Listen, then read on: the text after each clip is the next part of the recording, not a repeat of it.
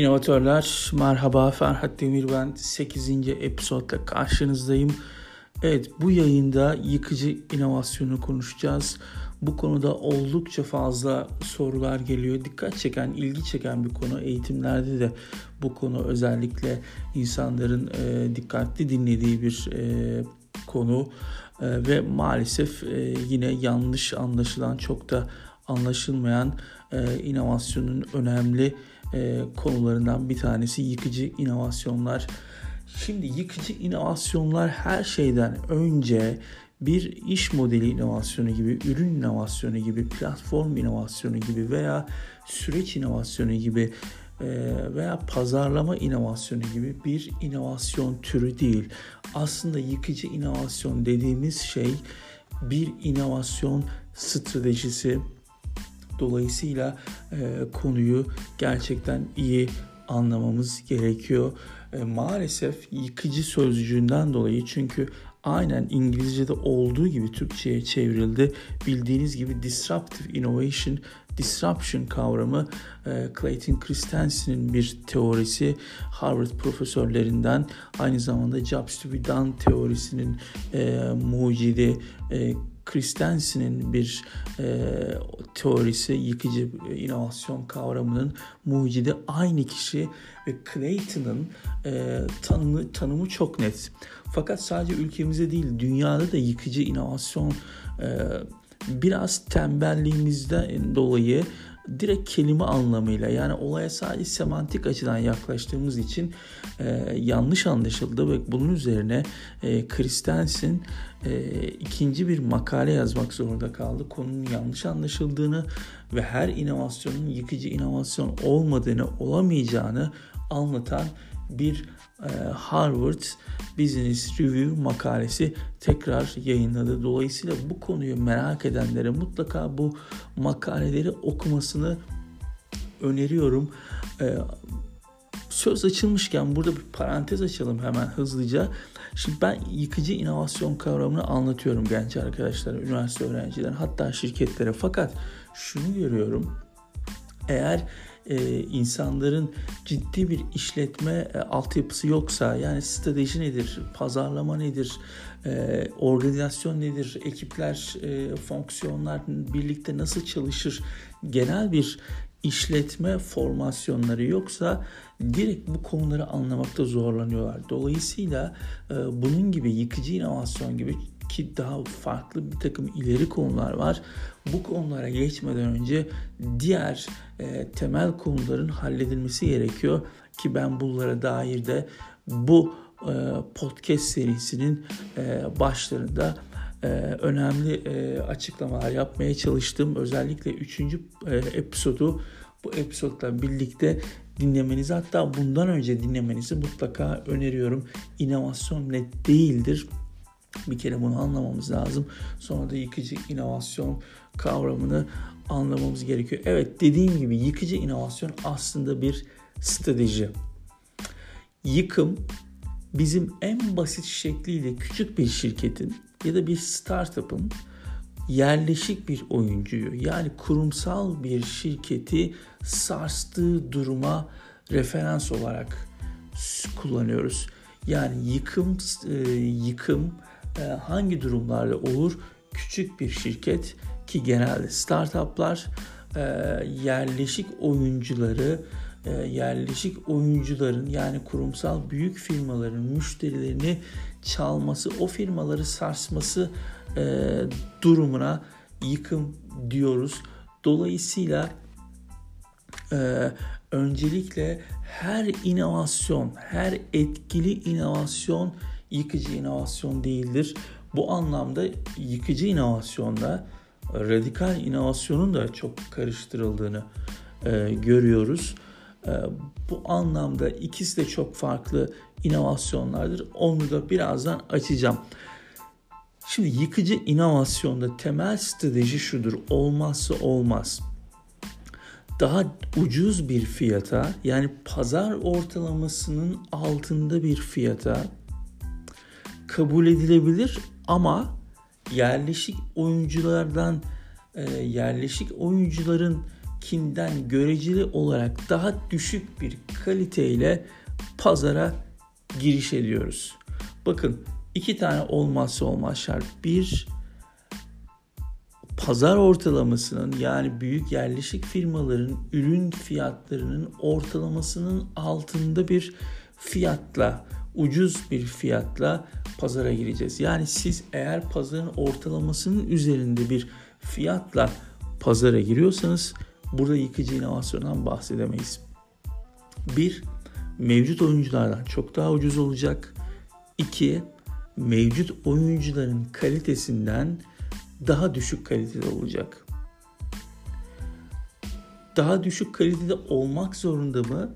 Buna işte İngilizce'de Clayton e, daha kötü yapmak diyor. Yani e, işi daha kötü yapmak. İşte burada Türkçe Türkçe'ye e, daha düşük performansı, daha düşük kaliteli diye çevirebiliriz. Evet şimdi siz eğer e, ekonomi e, fiyat stratejisi gidiyorsanız daha ucuza e, pazara e, ürünü sunmaya çalışıyorsanız tabii ki performansı ve kalitesi e, göreceli olarak düşük olacaktır. Yani performans bir bedeli var. E, zamanla performansın bedeli ucuzlayabilir ama startuplardan bahsediyoruz pazara yeni giren oyunculardan bahsediyoruz. Yani küçük oyunculardan. Dolayısıyla bunların öyle e, yıllar geçen operasyonel mükemmellikleri yok. Bu firmalar e, yıllarca e, işte operasyonlar üzerine çalıştılar, ölçekleme üzerine çalıştılar. Dolayısıyla fiyatları düşürebildiler zamanla diyemeyiz. Çünkü zaten yeni oyuncular. Dolayısıyla bu fiyat, bu tip e, firmalar bir daha ucuza e, sunacak pazara. İkincisi daha düşük kaliteyle sunacak. Adım adım bakın yıkımı biraz inceleyelim. Bir, yıkım nasıl gerçekleşir? Şimdi yerleşik firmalar, büyük e, kurumsal firmalar kendi işlerine, ana işlerine, core işlerine o kadar odaklanırlar ki bir süre sonra pazardaki o küçük grupların, alt grupların e, özellikle ekonomik olarak alt grupların ihtiyaçlarını zamanla görmezden gelirler. Yani onlar e, karlı pazarlara yönelmek isterler. Özellikle ana akıma yönelmek isterler. Ve şirket zaten büyük e, eski bir şirkettir ve zamanla müşterisi oturmuştur. Bu müşteri ana akım olmaya başlamıştır. Ana akımdır hatta. Dolayısıyla bu ana akımın dışındaki küçük grupları çok da önemsemezler. İşte bunu fark eden bu göz ardı edilen küçük e, alt grupları fark eden çevik bir startup hızlı bir şekilde pazara giriyor. Pazara giriyor ama büyük bir yerleşik bir oyuncuyla kurumsal bir firmayla nasıl rekabet edecek? Dolayısıyla fiyatla rekabet ediyor. Çok daha ucuz, onların ortalamasının çok daha altında bir fiyatla pazara giriyor. Şimdi yerleşik kurumlar yani bu bizim kurumsal firmalar dediğimiz bu ana oyuncular bir süre buna tepki vermezler. Ee, bazen fark ederler, göz ardı ederler bu e, alt gruplara giren küçük startupları. Bazen de farkında bile olmazlar. Bu pazara giren yeni küçük oyuncu zamanla o alt grupları yakaladıktan sonra alt gruplara ulaştıktan sonra zamanla operasyonel kalitesini arttırır. Zamanla sermayesi arttıkça yani o alt gruplar eğer startup'ın bu ürünü benimserse dolayısıyla bu ürünü tüketmeye devam edeceklerdir. Dolayısıyla e, bu küçük oyuncu startup sermayesi arttıkça, gelirleri, satışları arttıkça bu kazancını e, yeni e, yatırımlara çevirecektir. Bu kazancını operasyonları iyileştirmek için, ürünün kalitesini iyileştirmek için, ürünün performansını iyileştirmek için harcayacaktır. Dolayısıyla ürün kalitesi, ürün performansı zamanla iyileşmeye başlayan startup'ın müşterisi artık alt gruplardan orta ve üst gruplara doğru ilerler. Yani ana akıma doğru ilerler. Pazara alt gruplarla girmişti ama zamanla alt grupların kendisine bıraktığı karı operasyonlara, ürün ve performans kalitesine harcadığı yatırım yaptığı için dolayısıyla ürün kalitesi arttığı için artık ana akımında dikkatini çekmeye başlar ki büyük oyuncuların müşterisine yani o ana akım müşteriyi çalmaya başladığı an aslında yıkımında başladığı andır. Dolayısıyla biz yıkıcı inovasyon dediğimizde neden bahsediyoruz? Bir, daha ucuz fiyata pazara giriş e, bahsediyoruz. İki, mevcut e, ana akım, e, mevcut ana e, yerleşik firmaların e, ürün kalitesinin daha altında bir kaliteden bahsediyoruz. Daha altında bir performanstan bahsediyoruz.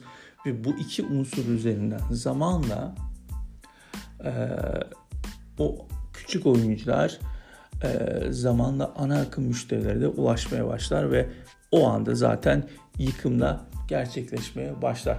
Şimdi bu bu noktada biz işte hep şöyle düşünüyoruz. Yani her etkili büyük inovasyon, her ses getiren inovasyon yıkıcı inovasyondur. Hayır böyle bir durum söz konusu değil. İnovasyon, yıkıcı inovasyon olması için mutlaka bu iki şartın taşım iki şartı başta taşıması gerekiyor. Mesela bu anlamda Tesla yıkıcı inovasyon mudur?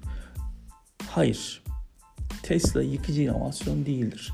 Ee, konuya sadece işte e, sözcüğün e, yüzeysel anlamıyla yaklaşır, yaklaşırsanız yanılabilirsiniz. Tesla radikal inovasyona daha yakındır.